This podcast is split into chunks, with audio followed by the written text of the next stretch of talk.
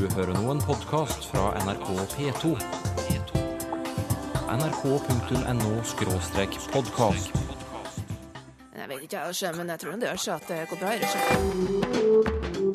Det skulle ha vært en helt annen.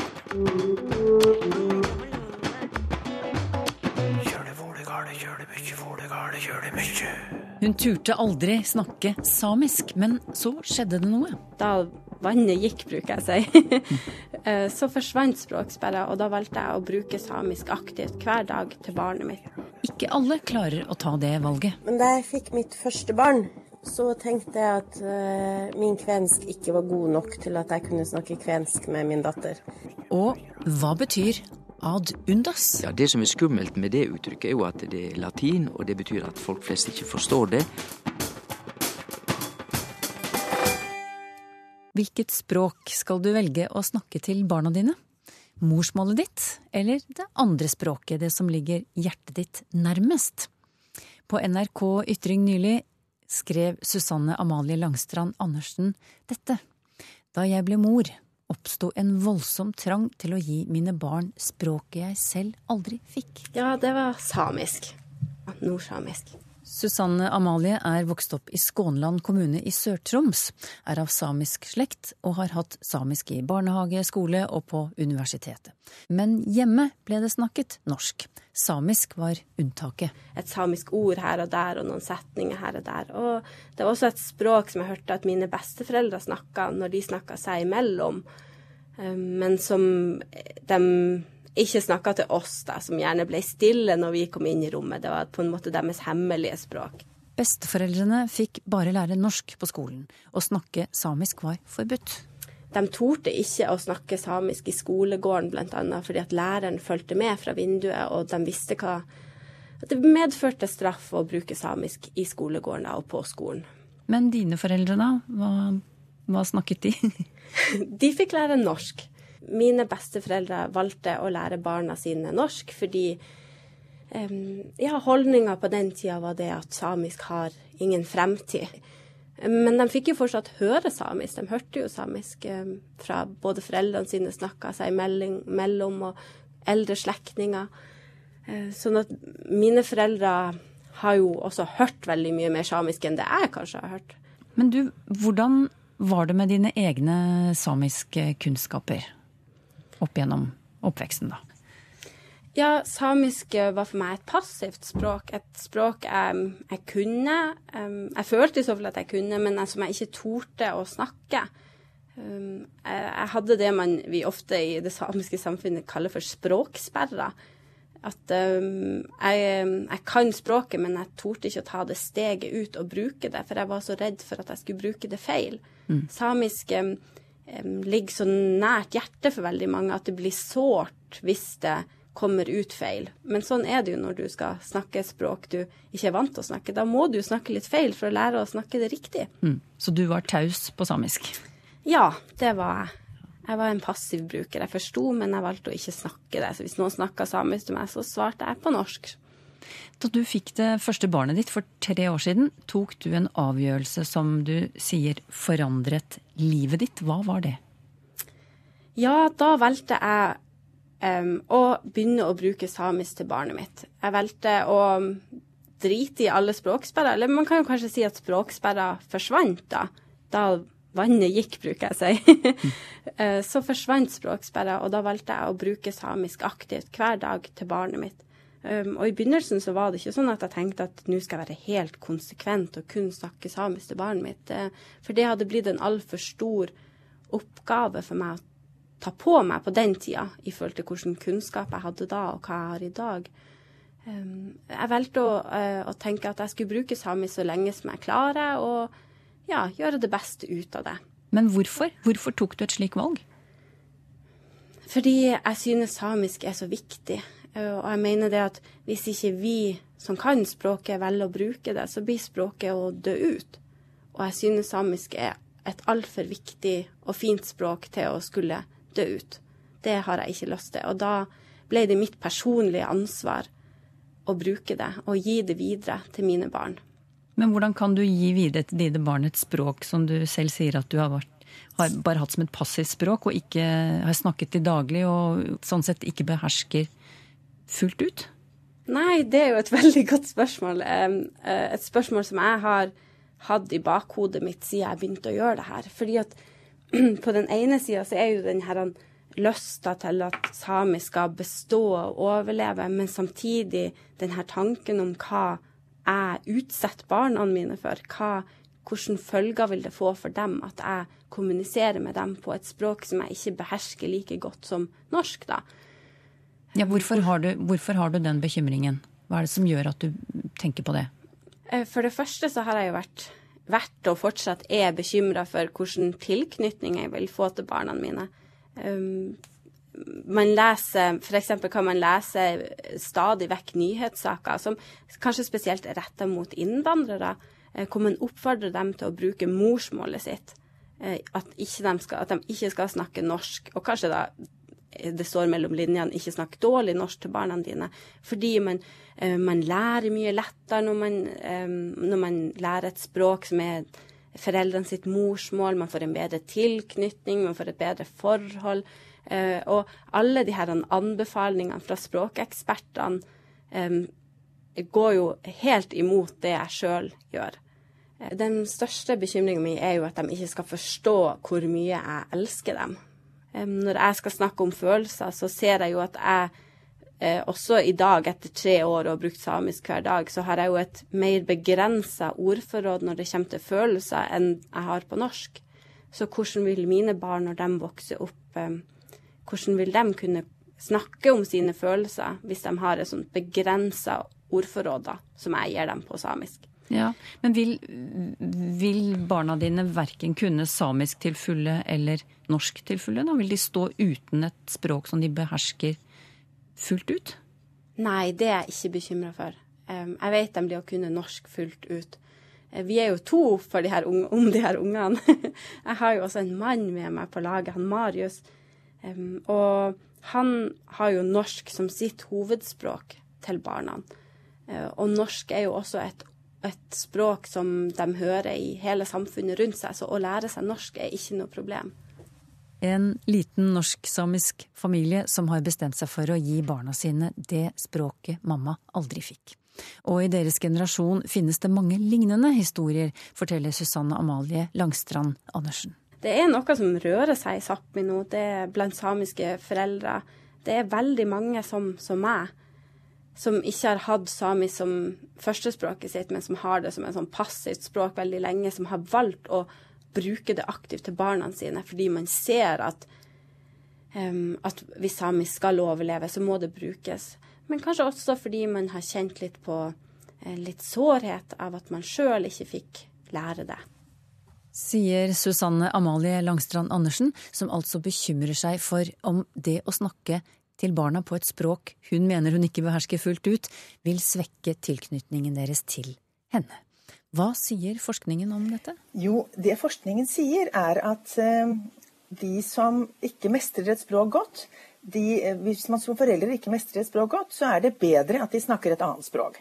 Hanne Gram Simonsen ved Universitetet i Oslo forsker bl.a. på flerspråklighet og barns språktilegnelse. Jeg har gått ut med dette mot politikere som sier at foreldre, innvandrerforeldre må snakke norsk til barna sine. Fordi eh, de snakker ofte så dårlig norsk at det er uheldig at de heller bruk, bør bruke sitt eget morsmål. Men for foreldre som Susanne Amalie, som har norsk som morsmål og samisk som et andrespråk, blir situasjonen annerledes, mener Gram Simonsen. Ja, Forskjellen er jo her at uh, barna vokser jo opp i omgivelsenes språk. Sånn at uh, de vil lære norsk i alle fall. Så situasjonen med innvandrerforeldrene er jo at de får beskjed om at de skal bidra med norsken for å gjøre barna bedre i stand til å snakke norsk. Jeg mener at dette er en annen situasjon enn det som gjelder henne. Men det viktigste, mener jeg her, er at hun må selv tenke over om hun får uttrykt det hun vil. At hun selv kan uttrykke alle sine emosjoner og kan snakke om allting eh, med barna sine på dette språket. Det er jo det som man ellers ikke regner med at, eh, at innvandrerforeldre kan gjøre eh, på norsk, da. Gram Simonsen mener også at hvis ordene ikke strekker til på samisk, ligger norsk der som en mulighet. Hun må selv, bør selv bruke det språket som hun syns hun uttrykker seg best på. Og, og, og det behøver ikke bare være ett. Hun kan godt bruke begge. Det gjør jo ingenting å bruke begge språk. Så langt Hanne Gram Simonsen, språkprofessor ved Universitetet i Oslo. En av kollegene hennes, som også forsker på flerspråklighet og minoritetsspråk, kjenner seg igjen i tvilen og bekymringene rundt eget språkvalg. Eh, da jeg fikk mitt første barn, så tenkte jeg at eh, min kvensk ikke var god nok til at jeg kunne snakke kvensk med min datter. Hadde jeg visst det jeg vet i dag, så hadde jeg nok uh, valgt å bruke kvensk også sammen med henne hjemme. Pia Lane vokste opp i en trespråklig familie med norsk, kvensk og samisk. Jeg tror at mange minoritetsspråksbrukere, uh, spesielt i den generasjonen som uh, enten har mista språket, har passiv forståelse eller tar det tilbake igjen, de har en sånn tanke om at de må snakke språket helt flytende, helt perfekt. Og de har også en tendens til å undervurdere sine egne ferdigheter i språket. Så jeg tror nok at det var det jeg også gjorde. Um, klart, jeg, vokste opp som passiv tospråklig, så jeg forstår kvensk omtrent like godt som jeg forstår norsk. Uh, men jeg var ikke vant til å bruke språket så aktivt da jeg fikk barn. Men for meg hadde det jo vært sånn at hadde jeg begynt å snakke språket, så ville det jo ha kommet tilbake til meg. Da visste jeg ikke nok om språktilegnelse. Så i, i, sånn, i etterpåklokskapens lys så vil jeg si at jeg gjorde feil valg. For det er kvensk som er hjertespråket, sier Pia Lane. Det er på mange måter mer mitt hjertespråk enn norske. Eh, så det har jeg jo ikke gitt videre til mine barn. Og de har heller ikke kunnet snakke med sine besteforeldre på besteforeldrenes morsmål eller førstespråk. Men et hjertespråk, hva er det? det er jo, vi har jo vel kanskje ikke så gode vitenskapelige forklaringer på det, men eh, det er et språk som man eh, opplever at man har en form for følelsesmessig tilknytning til. Så det er et språk som er knytta til eh, identitet og en følelse av hvem vi er. Og for meg, jeg snakker jo flere språk. Eh, og egentlig så snakker jeg vel kanskje både engelsk og norsk bedre enn jeg snakker kvensk, men jeg vil likevel si at kvensk er det språket som er mitt hjertespråk. Det er det mm. språket som vekker sterkest følelser.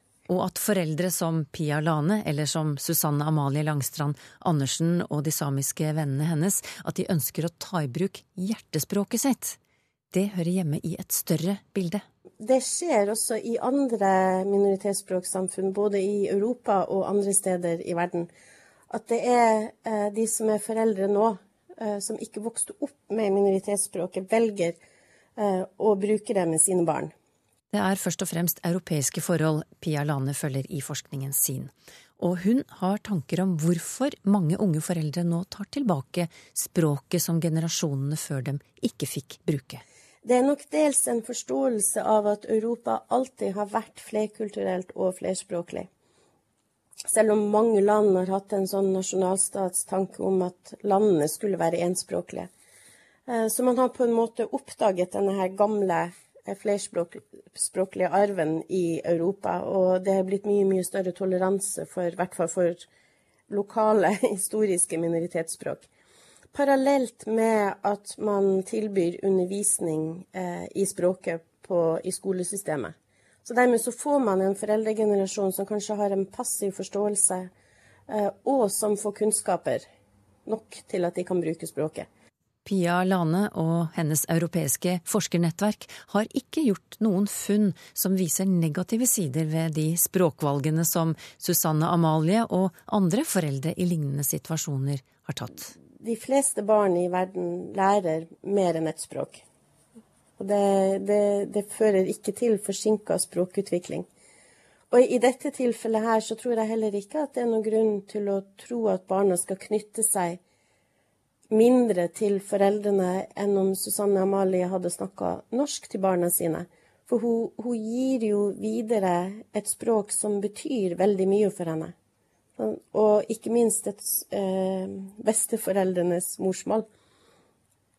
Altså det, det, er jo ikke et, et fremmedspråk, men et språk som har en veldig sterk eh, tilhørighet i den storfamilien som barna vokser opp i. Det mente språkforsker Pia Lane ved Senter for flerspråklighet, som hører til Universitetet i Oslo.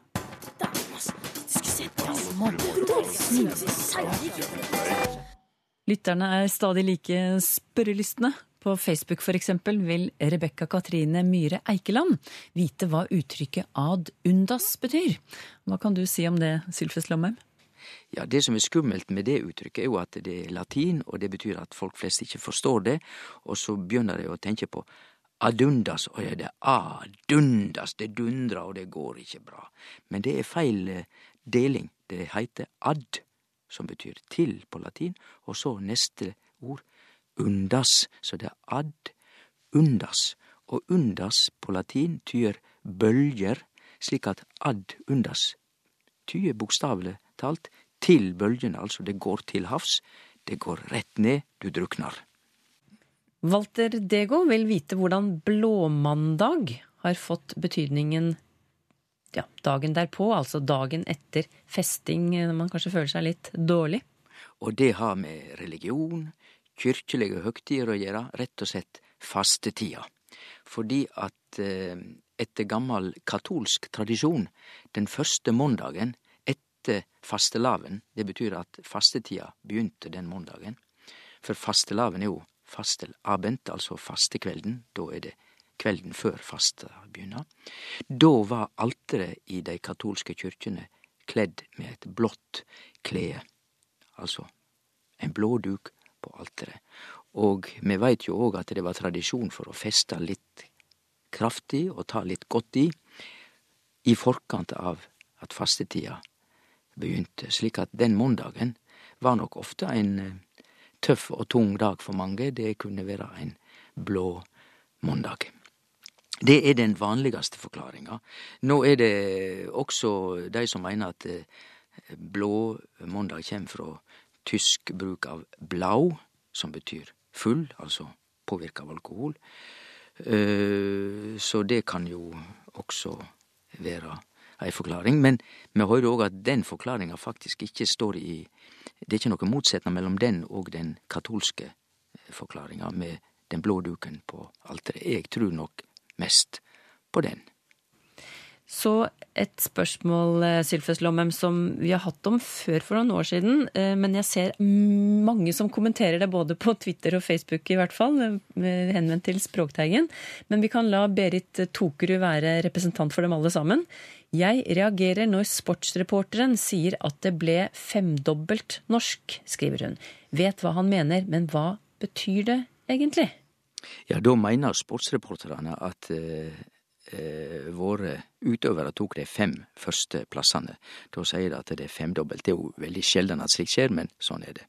Dobbelt er nok langt vanligere, for vi har jo først en siger, førsteplass, og hvis eh, vårt landslag tar første- og andreplass, så er det dobbeltsiger. Og det er jo òg logisk og lett å forstå, for dobbelt er to. Men så er det det begynner å skjære seg ved tredobbelt.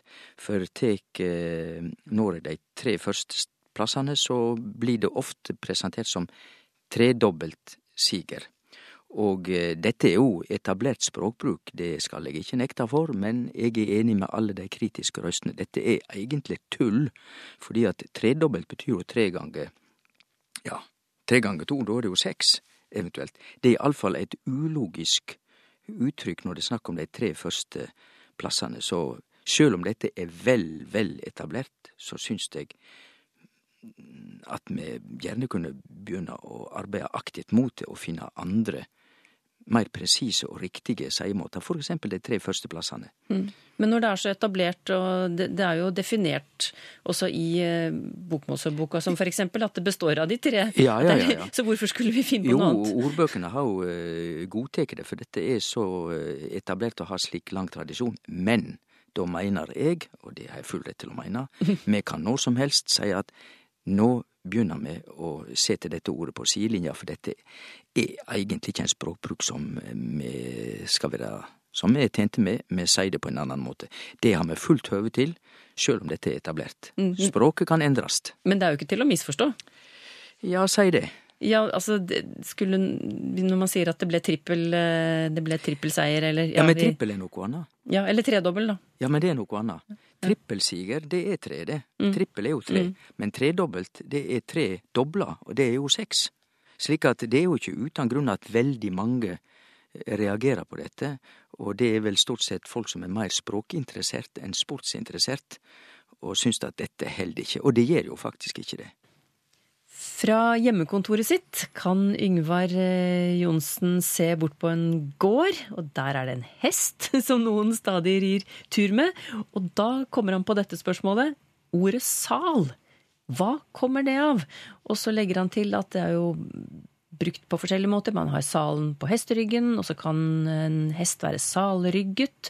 Og så kan vi bruke sal om et stort, åpent rom hvor det er høyt under taket. Kommer ord som dette fra samme ordstamme, spør Ingvar Johnsen.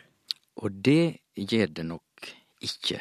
Men det er et faktum, som Yngvar Johnsen peker på, at i eh, norsk, og iallfall hvis vi går til nynorsk, så er det ikke bare to ord, sal, men da har vi tre ord, sal. Vi har en sal eh, på, som du sitter på, altså hesteryggen, og så har vi et stort rom, som er et ord for sal, og så har vi også et sal, eh, altså det du seler, altså et salg.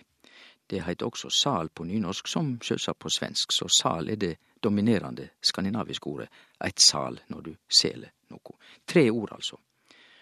Og kjem desse tre orda frå det samme? Svaret er, som eg sa, nei. Her må vi til gammalnorsk for å, for å trekke de eh, egentlig riktige historiske linjene. For det første, det på hesten heiter sålull på gammalnorsk, og det kjenner vi igjen i det meir og alderdommelige ordet stadig vekk i norsk, en sadel. Så en sadel og en sal er da samme ord. Så har vi det store rommet. Det heiter ikke eh, sådull på gammelnorsk, men saler. Og den r-en er jo en eh, nominativs-r, kasusmarkering i gammelnorsk. Saler. Og så verbet å selja, det substantivet heiter også på gammelnorsk, slik som det stadig heiter i svensk og nynorsk, eit sal. Det er dei tre orda, så da, kjem det fram når vi begynner å, å trekke de historiske linjene, og så ser vi at dette dreier seg om tre ulike ord. Og så eh, har vi et annet brev fra Per Olav Solberg, er ikke det så Jo, enn? han spør om saltak, så vi Ja. kan jo ta det i samme slengen. Nettopp, og saltak, det er nok eh, Det er jo et mønetak. Vi kan jo sitte oppe på mønet. Og et saltak, det må vi Det må vi knytte til samordet som eh, det vi set på eh, når vi rir, altså en sal på hesten. Mm. Du, jeg ser bare at han spør også om ordet salig, han Yngmar Johnsen. Om det har eh, samme sammenheng med noe, noen av disse andre ordene du har nevnt her? Nei, det har ikke noen sammenheng med noe av det vi har snakket om så langt. Eh, ordet salig, det har vi lånt fra tysk, selig, og det er også i slekt med et velkjent tradisjonsord i norsk, sel, som betyr lukkelig. Eirik Immerstein forteller at i det siste har han flere ganger dumpet borti engelskspråklige nettsider som hevder at navnet på ukedagen lørdag kommer av Lokes dag, og ikke har noe med å vaske å gjøre, slik Eirik selv lærte som barn. Men så sier han at magefølelsen hans forteller ham at det her kan da ikke stemme. Nei, han skal stole på magekjensla, og Eirik skal også stole på sin såkalla børnelærdom, for dette er jo reinspikka tøv at det har noe med loke å gjøre, det som står på disse sidene. Nå er det jo to typer med informasjon på nett. Den ene typen informasjon er kvalitetssikra, den andre typen er ikke kvalitetssikra, og da trenger jeg vel ikke si mer. Eh, Men når det gjelder lørdag, som det heiter på nynorsk, det er lettere å høre opphavet da. Lørdag er litt fjernere, men det kjem frå laugardag, altså vaskedagen. Det var den dagen i veka dei vaska seg. Det er vår lørdag. På engelsk er det Saturday, det er planeten Saturn. På tysk er det samstag. På fransk er det samdi. Fransk og tysk kjem frå det samme, det er det latinske sambatum, og det kjem direkte frå hebraisk sabbat, og på hebraisk tyder det kviledag.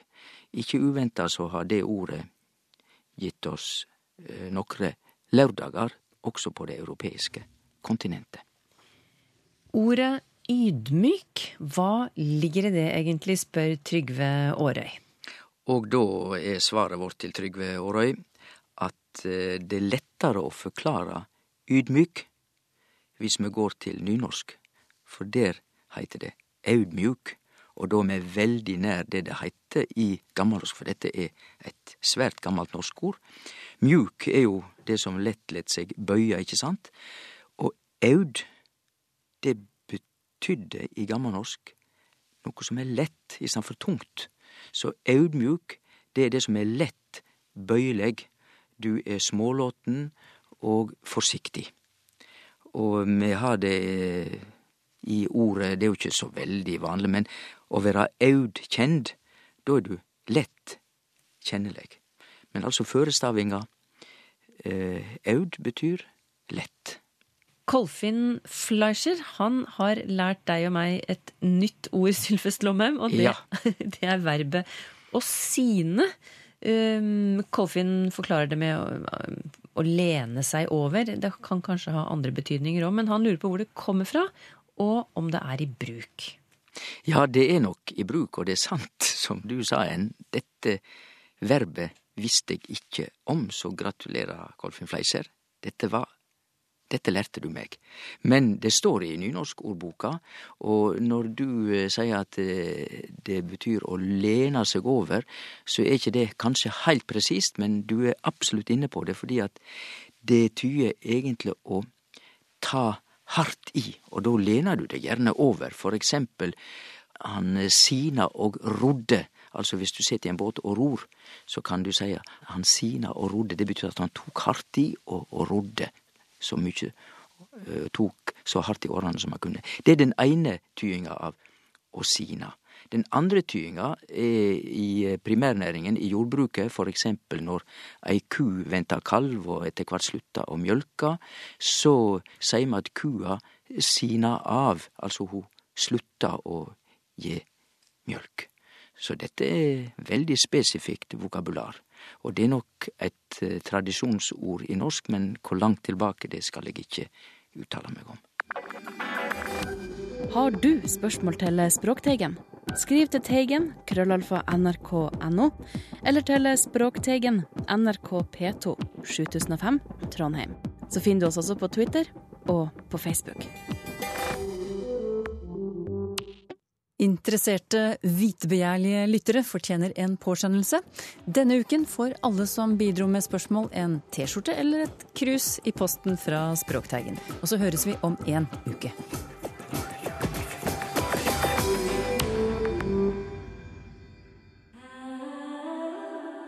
nrk.no podkast.